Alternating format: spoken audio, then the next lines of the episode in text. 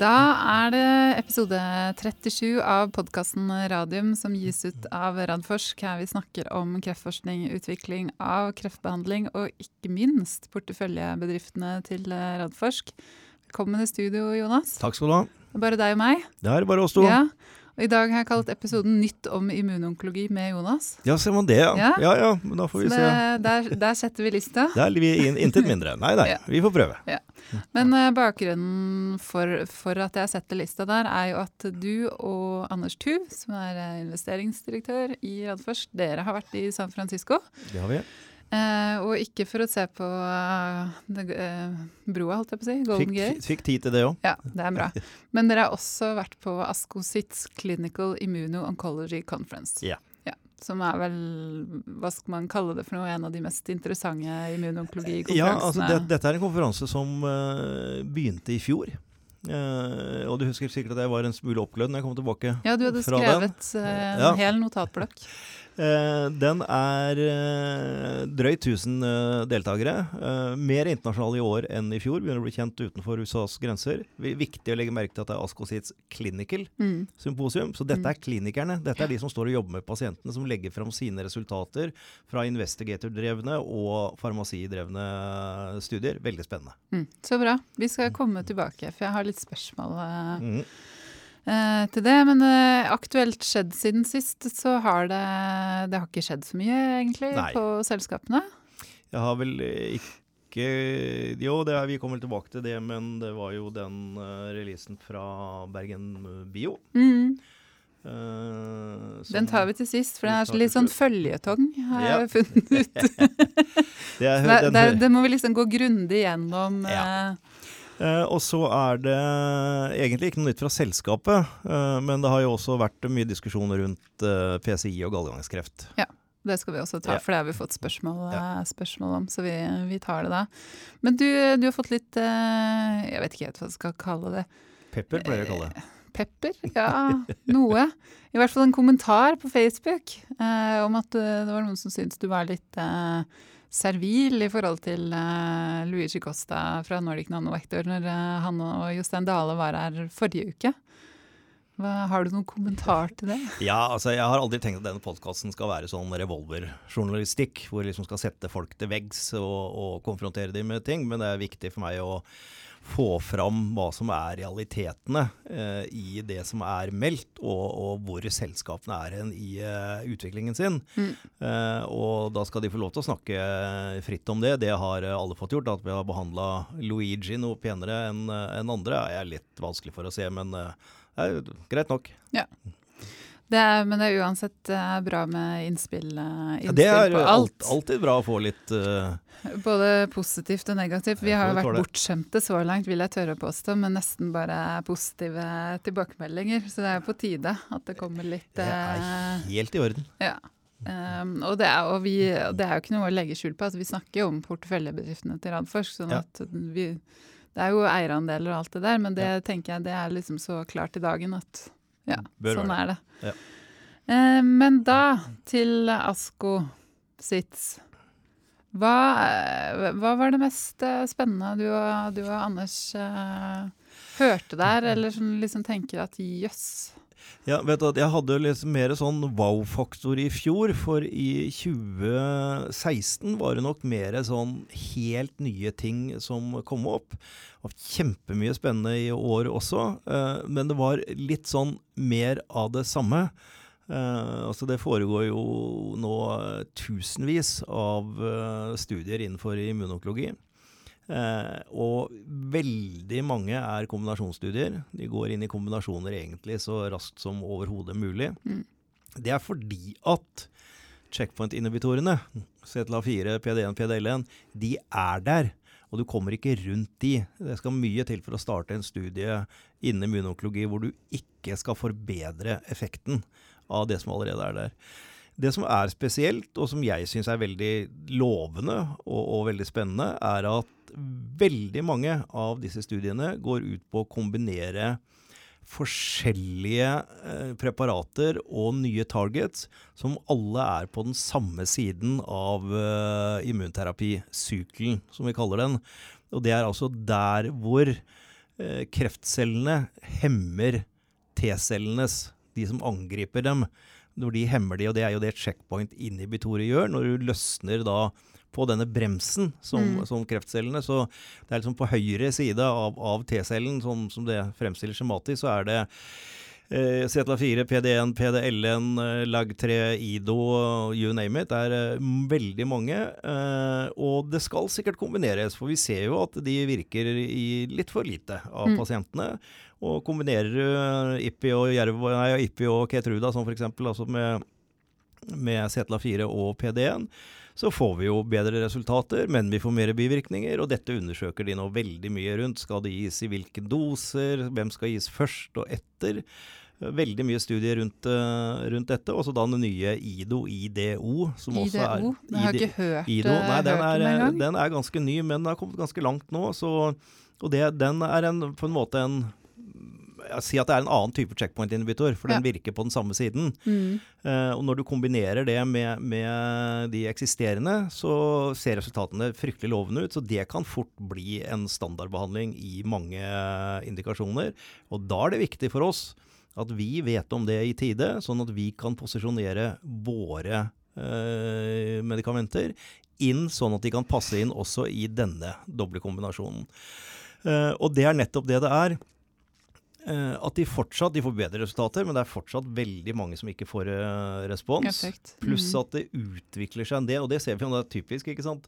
Det utvikler seg nå mer og mer resistent over tid. Så det er ikke alle som får denne langtidsoverlevelseseffekten. Det kommer resistensmekanismer inn, og hvordan kan de overvinnes? Og det de konkluderer med, er at det er veldig mye bra jobbing som skjer på denne siden, altså på bremsesiden, men det er ikke noe På siden. gassiden. Som også, det, det, fortsatt er det Hvis tumor er stein kald, det Mm. ikke er T-celler der, så har de en stor utfordring. Hvordan eh, For da vi gir disse bremseavløserne, så, så er det ikke noe gass, og da skjer det ikke noe. Nei. Og der kommer onkolytisk virus inn, og peptidvaksiner inn. Mm. Og dette ble nevnt uh, flere ganger. Mm. Og det må jo være musikk uh, i dine ører. Ja, altså Siden vi har to selskaper som jobber med peptidvaksiner, og ett som jobber med onkolytisk virus, så Ja. syns jo jeg det viser at vi forhåpentligvis har tenkt riktig. Ja. Og at det vi skal vise med eh, våre preparater, er at vi får disse aktive T-cellene. Og det er jo nettopp det som f.eks. Targovax har meldt fra om. Mm. Og Ultimovax er jo fortsatt litt sånn hemmelig selskap som ikke er børs, børsnotert. Men, men vi vet jo også at det, Øyvind har vært her og fortalt oss at de, Ja. de også har dette. Og at det kan skape effekter. Mm. Eh, Og en oppregulering av disse bremsemekanismene. Eh, For det er jo nettopp det, Da kan du tro at det skulle være negativt, men det er tvert imot det er veldig positivt. For Mm. det viser at immunsystemet reagerer sånn som det skal, og er modent for en kombinasjonsbehandling. Mm. For husk på at det vi gjør i disse selskapene, det er ren immunterapi. Mm. Det betyr vi behandler, modulerer immunsystemet, slik at vi setter det bedre i stand til. Så er det mange måter å få immunsystemet til å reagere på, men da er de andre måtene sånn som kanskje, vi har snakka om oppskopal effekt med, hos PCI, Mm. eller Bergen Bio for den saks skyld, Mm. og, eller kjemoterapi eller stråling, det er altså at du gjør et eller annet med kreftsvulsten. Sånn at den i seg selv Fører til en fører til en immunrespons. immunrespons. Men Mm. det er ikke immunterapi. Nei. Det er en immunologisk respons på at du dreper kreftcellene på en annen måte. Mm. Men, men alt i alt, eh, det er kjempestor interesse. Eh, og det er liksom ingen som diskuterer lenger at eh, immunterapi er kommet for å bli. Eh, men Det er ikke noe hype. det er ikke noe hype at Nei. den funker og er kommet for å bli. Det er jeg Nei. helt overbevist om. Men den kommer ikke til å utrydde kreft. Nei. Vi kommer fortsatt til å slite med det. Vi kommer et skritt videre. Nå får vi resistens, nå får vi andre problematikker inn. Mm. Og sånn er det å utvikle kreftlegemidler. Mm. Men at, at dette er kommet for å bli og er et uh, hett marked, det er ingen tvil om. Ja, for det, det er sånn alltid med ny behandling innenfor kreft, at da, da får du dette kappløpet fordi kreftcellene er Ja. så smarte. Ja. Så det ser man der. Og så på en måte som du sier da, er, nå er det veldig mye som foregår på høyre side, men nå må man kanskje begynne å jobbe litt med, med venstresiden, sånn at du får disse gode kombinasjonene. Ja, Og det er det vi, det er det vi gjør nå Ja. i, i alle selskapene våre.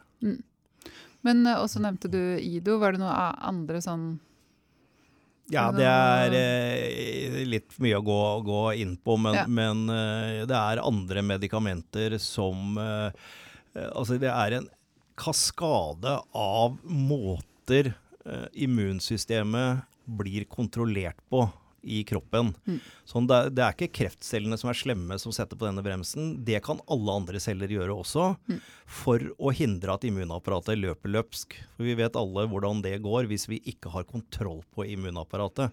Sånn at vi må balansere dette hele tiden. Vi må gi såpass mye effekt at det virker forhåpentligvis bare på kreftcellene, Mm. og minst mulig på andre celler. Og det er jo utfordringen her. Ja, det er det. Bivirkninger det er ikke noe, er ikke noe nei, og det, er særlig. vi, det er derfor vi er så opptatt av at vi skal være kanserspesifikke. Ja. Og, og eksempler på det er jo, er jo peptidvaksinene. Mm. Som har telomerase og, og, og RAS som de angriper, som da er på kreftcellene og ikke på normale celler. Og hvis vi da bruker T-celler som angriper noe som er unikt spesifikt for kreft, så er det i hvert fall i teorien, og ser ut som det funker så langt, er at da de T-cellene vi da eh, lager, de angriper kun kreftcellene.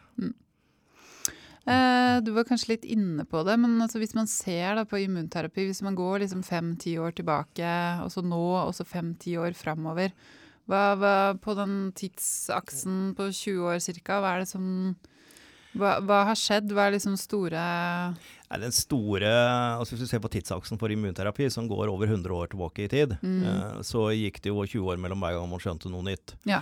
Eh, og så begynte dette å akselerere med at man fant checkpointene, Mm. eh, og fant molekyler som kunne hemme de.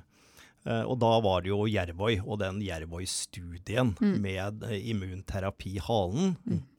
Som kom eh, Resultater kom vel i Jeg husker ikke jeg har helt årstall, men rundt 2011-2012. Ja. ja. Eh, Det var det store gjennombruddet. Ja. Uh, og så kasta alle seg over den høyresiden. Uh, og derfor er det hundrevis av forskjellige checkpoint-inventorer som uh, utvikles.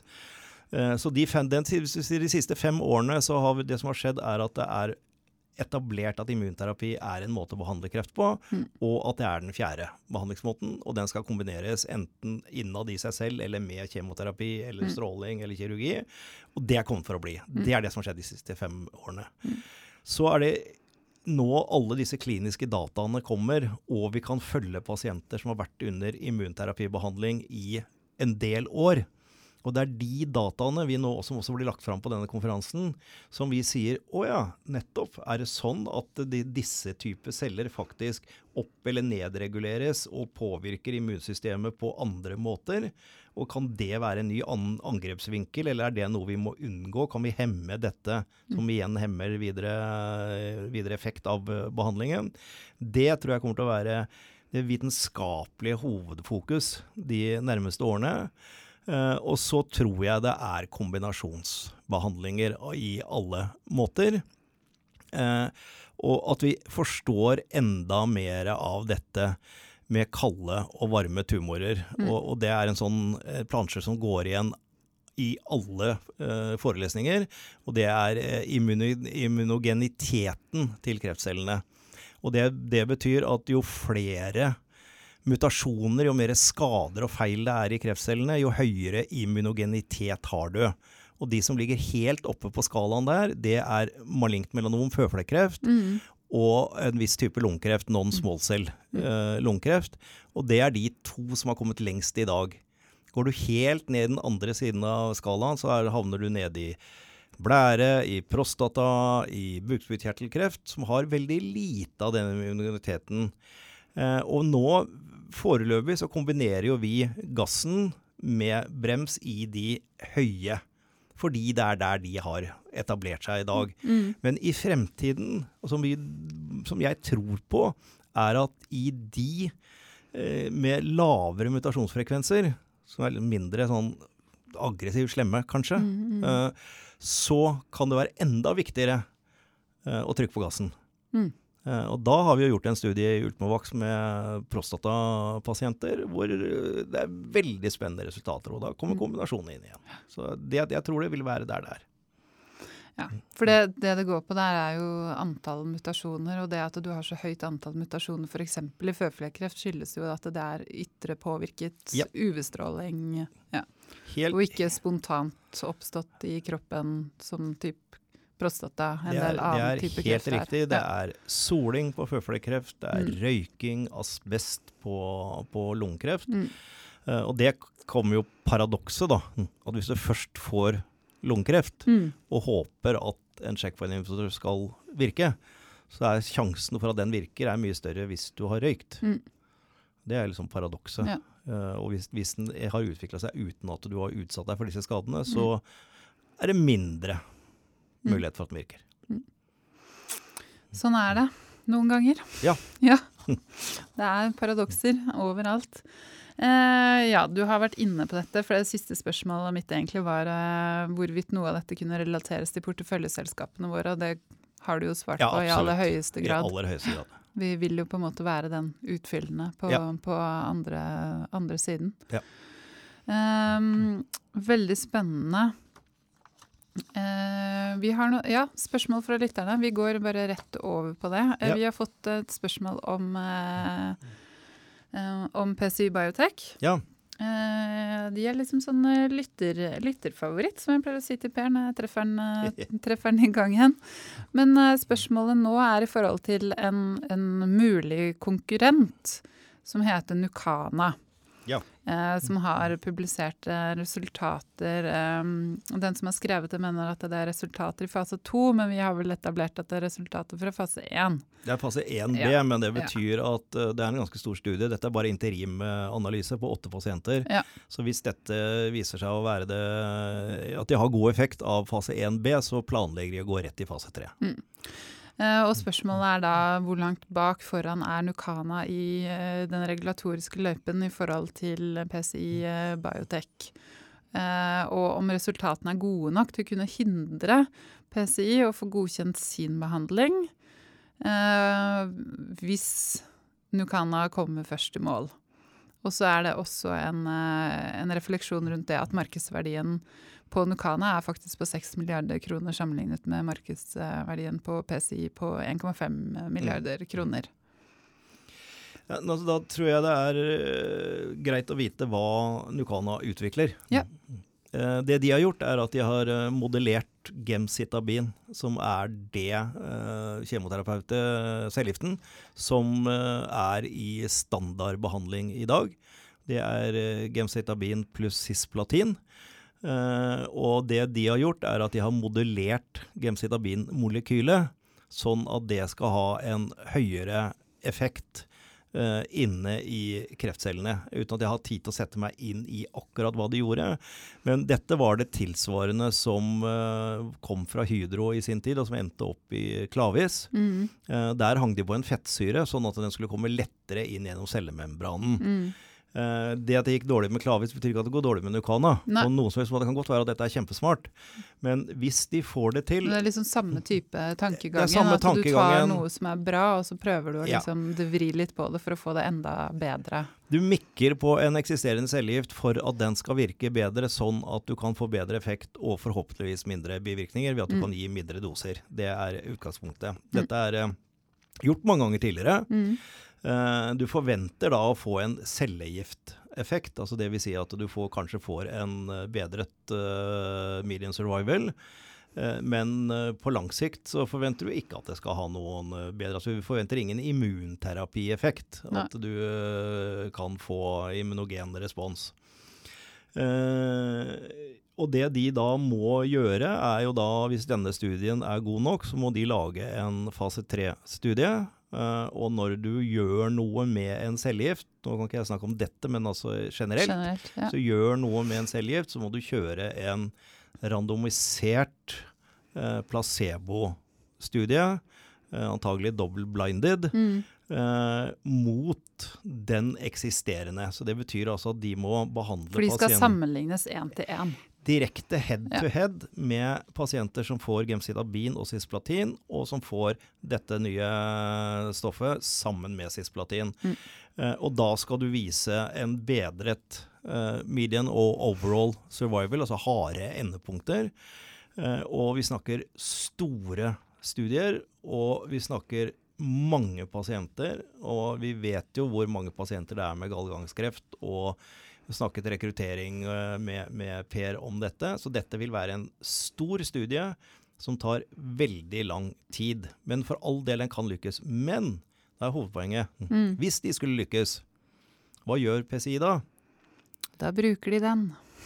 Da, hvis standard of care-behandlingen endrer seg, så vil da du bare bruke denne nye standard of care i tillegg til PCI-teknologi hvis mm. den er kommet fram og på markedet. Så for meg så er dette en mulighet for PCB eh, Biotech, og ikke noen trussel på noen som helst måte. For mm. at, et, at en cellegift skal bli så bra at det ikke er behov for å behandle mer, det har jeg liten tro på. Og jeg kan ikke skjønne annet enn at dette nye produktet også blir tatt opp i endosomene, og at de trenger å frigjøres på samme måte. Mm. Og det er jo der og det er det PSI gjør. Ja. Mm. Så, så, så, kort oppsummert så er, kan dette her være veldig positivt? Ja da, det, altså, er i hvert fall ikke negativt. Nei. Og det kan være positivt. Ja. Så, men man får se, for det, disse er i tidlig fase. Så de Dette er åtte lang, pasienter eh, de har sett på. De sier ja. ingenting om det er at de har sett på lesjoner, om det kommer andre typer lesjoner opp igjen.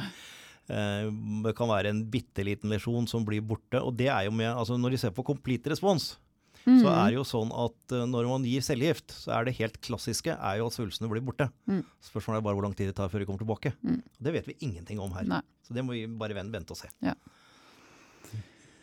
Uh, er det sånn generelt, eller når man ser sånne studier, så se på antallet? Det har jeg sjekket ut på. Jeg vil bare liksom få sånne vage minner fra statistikk. Uh, på, på Blindern. Altså, det er noe med utvalget. Du må ha et større utvalg. Ja, ja, ja. altså, altså det, det, er helt klart. Uh, og det, det, må alle vise å gjøre. Og det er der immunterapi igjen skiller seg. Mm. Fordi det er andre måter vi måler eh, effektene på. Men, men, det er helt klart at eh, når de sier at det er eh, tidligere, når, når, man utvikler cellegifter, så mm. er det mange som tryner. Mm. Når du kommer opp i statistisk signifikante ja. Tall. Disse såkalte P-verdiene. Det er det P-verdiene. Og, og, når du liksom har 500 pasienter i hver arm, mm. da, da, skal den, for å få nok power i studien til å, å, gjøre det, det er da den statistiske ofte slår ut der. Mm. Og så er det Bergen Bio. Ja. Eh, der har jeg også fått et spørsmål. Selv om Bergen Bio ikke er en del av Radfors sin portefølje, så hadde det vært interessant å høre litt om deres tanker rundt selskapet, og hvordan dere tolker den infoen som har kommet ut fra selskapet. Eh, for, og så står det bemerket at de har gått veldig bra på børsen i det siste. Mm. Eh, og der har det jo skjedd litt ja, av hvert. Ja. Uh, Arctic sendte ut en, uh, en uh, analyse 23.1. Eh, og så sendte Bergen Bio sendte ut en pressemelding 29.1. Eller ikke pressemelding, børsmelding. De er jo børsnoterte. børsnoterte. og samme dag så var det en, en børskommentar i, i, DN av Tore Christian Jensen. Mm. kan ikke du sånn oppsummere litt? Jo. For her er det mange ting vi kan prate om. Merke. Her er det mange ting, og det, det, den, den, den, siste delen av dette blir om eh, dagens hjertesukk. Ja. I forhold til hvordan man tolker og ser på norske biotekselskaper og data. Igjen. Eh, men Bergen Bio er et spennende selskap. Ja. De og, vi, og, vi, vil prøve å ha de som gjest her. Vi har, vi har prøvd, og vi prøver igjen. De, Bergen og Oslo er litt langt unna noen ganger. Uh, vi er jo ikke investert i, i Bergen Bio, ikke fordi vi ikke syns det er spennende teknologi, men når de kom i sin tid, så hadde vi henda fulle med Ultimavax og Targovax og flere i veldig tidlig fase, og hadde ikke mulighet til å gå utover. Og det er jo fryktelig sjelden at vi investerer i noe som vi ikke kjenner forskerne, som ikke vi har vært hands on fra dag én. Mm. Uh, men jeg så jo på teknologien i gangen og syntes den var spennende. Det, det, de har, er altså at de har funnet uh, en signalvei, Axel, AXL. Mm Eh, som spiller en viktig rolle i, i, det kreftcellene forandrer seg fra å være det som kalles for endoteliale, til å være Å, nå står det stille. Mesotelio... Ja. De forandrer seg sånn at de, eh, at de Der kan du se at vi ikke redigerer disse sendingene. altså.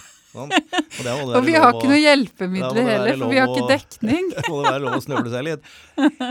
Kreftcellene blir mye mer aggressive. Det er da de begynner å metastasere, gå ut og sette seg ned andre steder. Når de faktisk steder. sprer seg ut fra primærsvulsten. Og det å inhibere denne eh, signalveien vil antagelig og forhåpentligvis gjøre at kreftcellene blir mindre aggressive og kan for, kanskje til og med forhindre metastasering. Mm.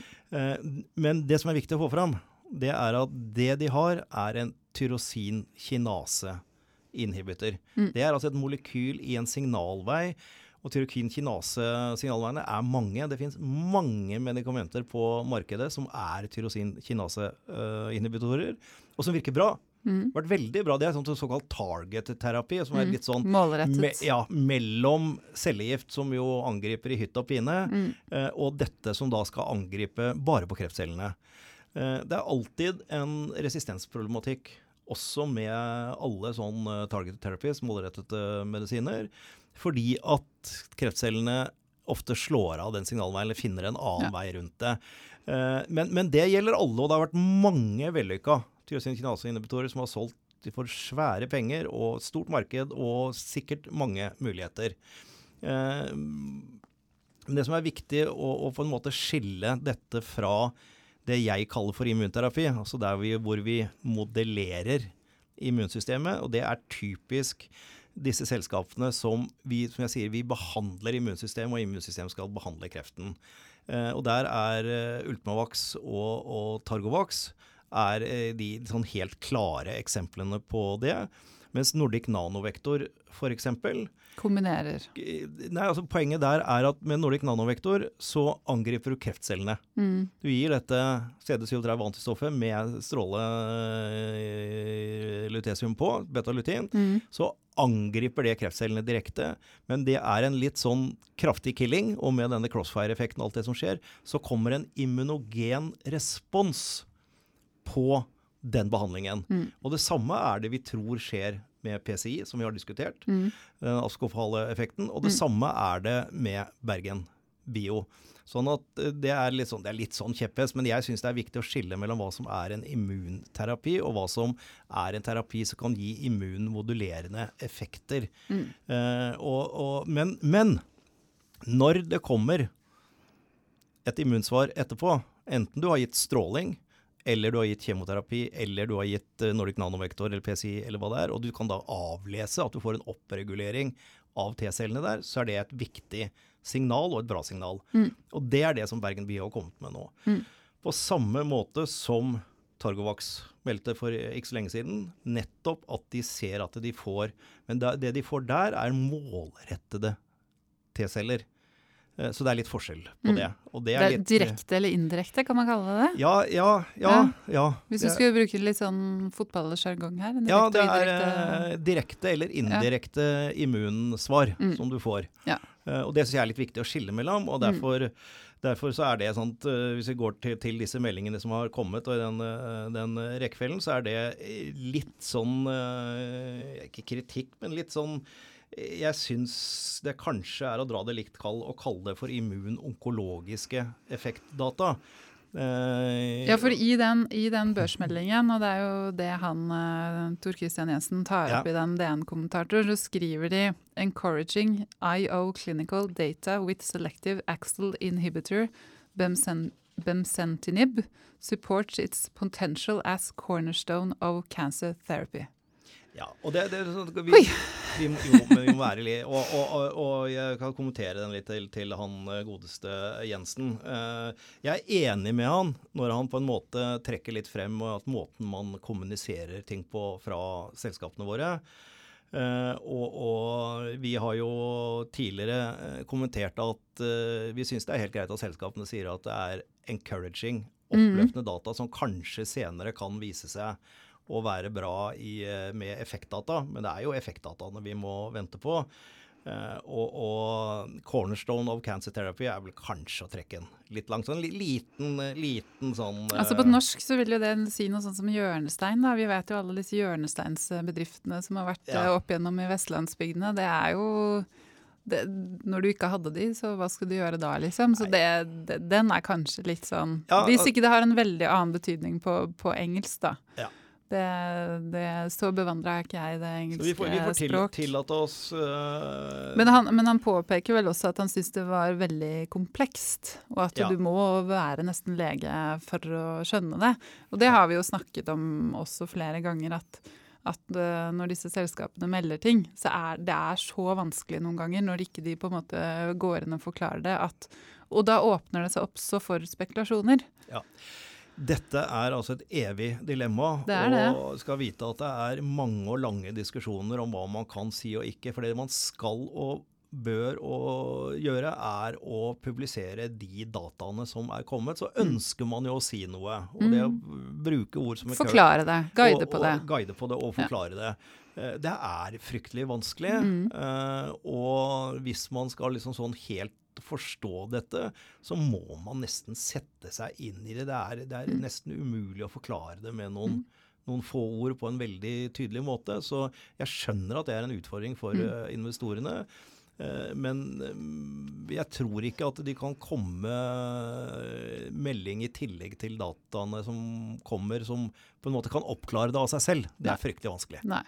Og, og det der med å jobbe med kommunikasjon rundt dette her også, er jo sånn Du prøver jo liksom å finne gode begreper og gode metaforer. Ja. Så jeg kan, fra et sånn kommunikasjonsfaglig ståsted, så kan jeg godt skjønne det at man bruker cornerstone. Ja. For da har du liksom sånn, da har du sagt noe om betydningen Mm. og hva du liksom legger i dette, og hva du håper og forventer. Eh, sånn at det, og det er vanskelig det der Ja. også, å finne en balansegang, for da blir det ofte litt sånn stort og svulstig og Ja. ja. Nei, det, er, det, er en Så- kjempe, det er en kjempeutfordring. Så det er et dilemma, det der, ja, altså. Jeg vet at uh, selskapene jobber veldig mye med å forsøke å være veldig ordentlige i sine, Mm. sine kommunikasjoner. Nå, nå hender det at det har variert litt uh, tidligere, at man, hva man melder og ikke melder. Mm. Eh, melder man lite, så er det kanskje mer edruelig og kanskje til og med mer riktig. Det er Men da eh, når- åpner man jo for disse spekulasjonene, Ja. og det har vi sett gang på gang. ja, Og når Nukana nå melder eh, en interimanalyse av åtte pasienter, Mm.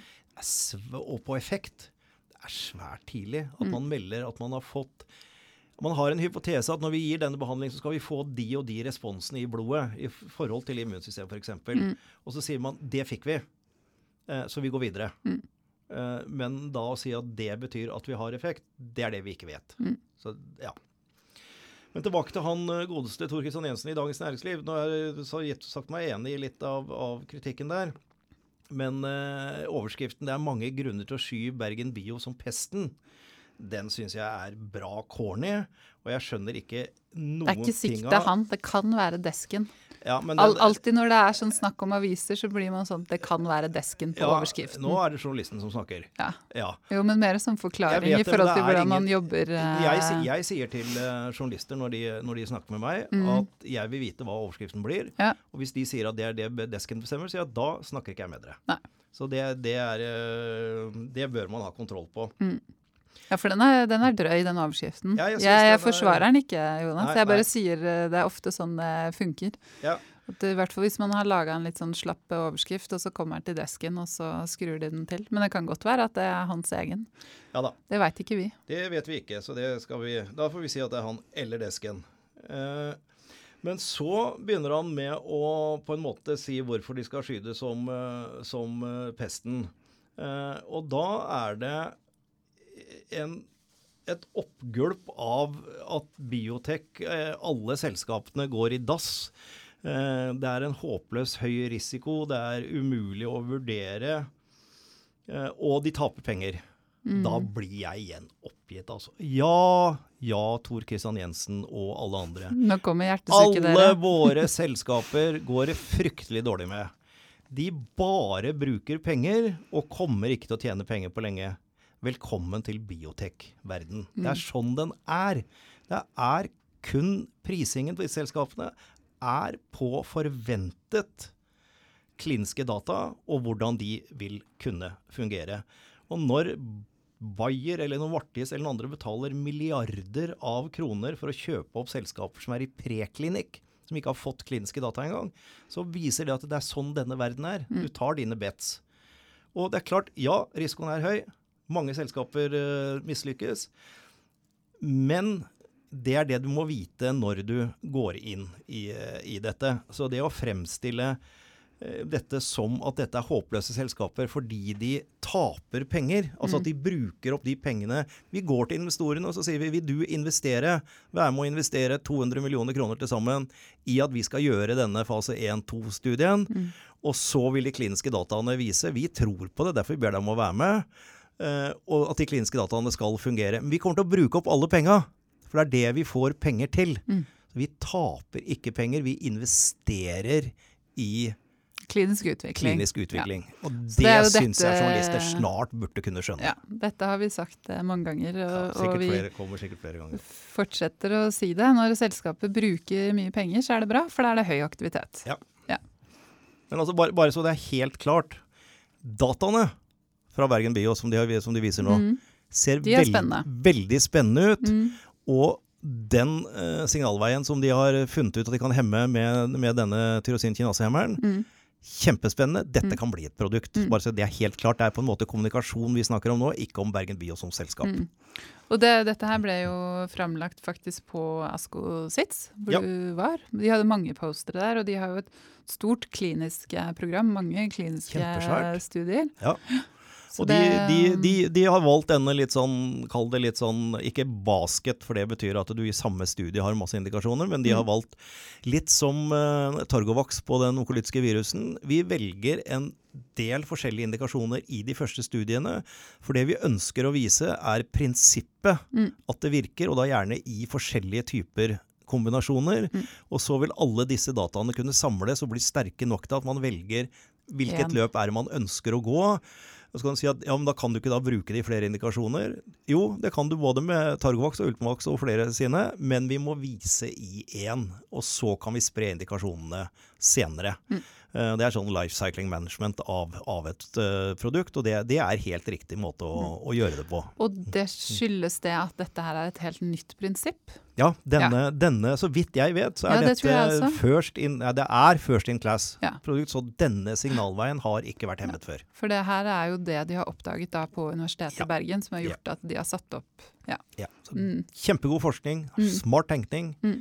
Kul måte å, å, gjøre det på. Dette mm. har uh, like stor mulighet som enhver annen tyrosin kinasinhibitør eller, eller, tilsvarende til å, til å, lykkes. Men, eh, men uh, igjen, svære studier og lang tid. Og, men sånn er, sånn er, det i denne bransjen. Mm. Men uh, jeg nevnte jo så vidt denne meldingen fra Arctic som kom uh, da det blir seks dager før. da. Ja. Hva, hvor de oppjusterte målene til Bergen Bio veldig. Fra 27 til 63. Ja. Det er jo en kraftig Og da skal man jo tro at det har skjedd noe fantastisk mm. her.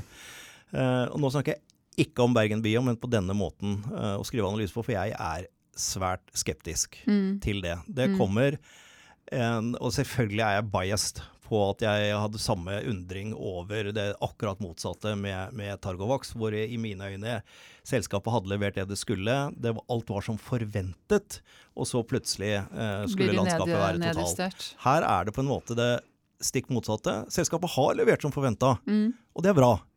Og så får du denne kraftige oppjusteringen. Og da igjen, jeg undres over hva som har på en måte forandra seg så mye på så kort tid. Uh, og da kommer det fram av denne analysen at hovedårsakene til at dette her, har uh, skjedd, denne oppjusteringen, er at de har lagt til en ny indikasjon i melanom og føflekkreft. Den studien starta de for to år uh, siden. Ja, det er en resistens der også til et medikament. Men det er prinsippet deres. Mm. At der hvor du har targeted therapy fra før, og så virker ikke det lenger, enten reseptoren er TGFR beta eller hva den måtte være, så bør eh, Nordic Nanovet eh, sitt produkt ha en mulighet til å da gå inn med en ny angrepsmåte, sånn at som kreften ikke er resistens for, og så håper at det varer så lenge som mulig. Så der, mm. der har det altså ikke skjedd noe nytt, som jeg kan se det. Eh, og så har de økt eh, markedspenetrasjon, altså market share, eh, veldig kraftig. Mm. Og hva har skjedd siden det gjøres? Jeg kan ikke se at det er, er argumentert for. Og i tillegg til det så skriver de at Bergen Bio er en attraktiv target for a partner licensing deal or takeover. Og derfor har de økt prisen. Jeg håper at alle disse selskapene våre er et eh, target for det. Jeg vet at alle, vi vet at alle selskapene er i samtaler. Mm. Så hva som har forandra seg for Bergen Bio, sånn at det er de som plutselig er blitt så mer attraktivt, det skjønner jeg ikke. Så, så litt sånn ta Litt bladet fra munnen nå og så si at eh, disse analysene som plutselig hopper opp og ned uten at det har skjedd noen endringer i selskapene, annet enn at de har levert det de har sagt de skal gjøre, Mm. Har jeg vanskelig for å forstå. Nå skal ikke, han skriver jo det, Tor Christian Jensen, at du skal være bra konspiratorisk. Hvis du tror at dette skyldes at Tor Trond Moen og andre ikke er investert i Targovax, men i Bergen Bio, det har ikke jeg heller noen som helst tro på. Det ville på en måte, da Vi snakka om brannmuren, at jeg, jeg fleipa litt med at den kunne være hacka. Men, men da er den ikke hacka, da er den borte. Og det tror jeg ikke noe på. Nei, Så det- ikke. Men, jeg, men jeg, jeg skjønner ikke helt dette. Nei. Så det. Så det, så. Ja. Så Det dette, er, dette er vår eh, podkast, så vi kan si hva vi vil. Så får vi ta kjefta etterpå. Jeg er helt i. Du vet at det sånn Problemet i medievirkeligheten er at det, sånn som oss, vi trenger ikke forholde oss til Vær varsom-plakaten, men eh, Jeg vi, bør- vi bør eh, holde oss innafor likevel. Vi prøver nå å være Ja. så ordentlige vi Som kan. vi kan. Uh, og jeg bare da altså gjentar, siden da altså at Bergen Bio ikke er et av våre porteføljeselskaper, Mm. at jeg syns det er et kjempespennende selskap. De har gjort alt riktig så langt, Mm. og de kommer sikkert til å få, få dette til. Men det er disse forskjellige måter å kommunisere og analysere det på. Mm. Og da ble, vært... da ble dette et eksempel nå. Ja. Som vi har også snakka Ja. om flere av våre selskaper. eh, Absolutt. Også. Og dette er liksom Det er noen sånne ting som kommer igjen og kommer igjen her, som på en Ja. måte er verdt å, å, å ta opp igjen og igjen, fordi det er viktige prinsipper. Ja, for dette, dette viser litt sånn uh, Dette er eksempler på de hjertesukkene vi Ja. har kommet med, Ja. og, og da, da kommenterer vi det. Vi, eh, vi begynner å nærme oss eh, slutten, men jeg har noen vikt, viktige beskjeder. Du og jeg er jo eh, skal ut og reise på litt forskjellige tidspunkter i, i februar. Ja. Så høyst sannsynlig så blir det ikke noe innspilling før eh, 27. februar. Mm. Ja. Hvis ikke jeg plutselig får eh, muligheten til å få med meg en gjest i studio. Det får være litt opp til selskapene å komme med noe nytt og spennende som du kan ta opp. Et eller annet. Eh, så, men det, sånn, sånn det ser ut nå, nå så blir det, blir det 27. februar. Hvis ikke det plutselig kommer en, kommer en episode. Eh, men det er februar. Altså i mars så skal vi gjøre noe fryktelig skummelt og gærent. Vi Ja. skal gå live. jeg merker at hver gang jeg nevner dette for deg, så er du like forfjamsa. For jeg tror ikke det helt har uh... Nei, jeg tror det gikk opp for meg nå eh, for kort tid siden hva dette her egentlig betyr. hva det egentlig innebærer. Her- Jeg også har gått og så trilla litt med dette her i hodet mitt uh, siste tida. Men, men nå har vi satt en dato. Det er Mhm. 16. mars, det er en fredag. Eh, eh, klokka åtte åpner dørene. Vi begynner vel å prate halv ni. Eller vi begynner å prate halv ni, helt, eh, helt presist. Den podkasten har vi kalt en investeringsspesial, eller investorspesial. Vi kan allerede bekrefte at Hans Ivar Robinson fra Birke Venture kommer. Mhm. En av de faste samarbeidspartnerne til, til Radforsk. Han kommer for å snakke om hva han ser etter når han investerer i selskap. Ja. Som en ekspert. Annelise Ryhl, eh, generalsekretær i Kreftforeningen, kommer også. Snakke om eh, hvorfor eh, Kreftforeningen er engasjert og har investert i selskaper. Eh, hvorfor det er viktig. Og så kommer Per Valdai fra PCI Biotech. Så Mhm. kommer Agnete Brunsvik Fredriksen fra Vaxtybody. Og vi jobber med et par andre. Så vi kommer til å ha veldig mange gjester. Det blir sikkert for kort tid. Vi skravler oss jo alltid bort. Eh, men vi håper jo veldig også at, eh, at folk som hører på podkasten, kommer dit. Ja. For det hadde vært veldig hyggelig å, å se de som hører på oss, for en gangs skyld. Det har vært veldig, veldig spennende, og da Ja. får man jo anledning til å stille spørsmål eh, Ja. underveis. Ja, for det vi kommer til å gjøre, eh, det er at vi kommer til å åpne for spørsmål, men da på, på SMS. Så da kan man sende inn spørsmål eh, til Det blir til meg. Jeg skal ikke si Mhm. telefonnummeret mitt på lufta nå. Jeg vil ikke begynne å få spørsmål allerede nå. Men i hvert fall, eh, da har man muligheten til å stille spørsmål der og da, og få svar. Og ja. jeg tror det kan bli en veldig morsom greie, selv om jeg merker at jeg er sånn grugleder meg litt. Det blir veldig gøy hvis Ja. dere kommer. Hvis Så dere kommer. dukk opp. Ja, men det blir jo lagt ut seinere også, da. Vi Ja. må jo si det. Ehm, det er, dette skal være på Kreftforeningen sitt vitensenter eh, som er i Kongens gate. Mhm. Eh, de åpner, har åpna sånn så vidt, men åpner nå enda mer. Eh, nå i forbindelse med verdens kreftdag eh, 4. februar. Eh, så de har en egen nettside, og der kommer det til å komme en påmelding. Men vi skal, eh, skal få spredd det i våre kanaler også. Det er vel, vel verdt å ta en tur bare for å se på vitensenteret. Ja, det er kjempefint. Ja. Det er veldig spennende, og ja, de har Mm. jobba masse med de installasjonene der og i det hele tatt. Eh, og så planlegger vi en, en annen, pod, eh, en annen live podkast også i mars, men der er det litt sånn usikkerhet med hensyn på datoen, så der venter vi litt med, Ja. med informasjon. Har du, skal vi, eh, noen bevingende ord før eh, februar tar oss?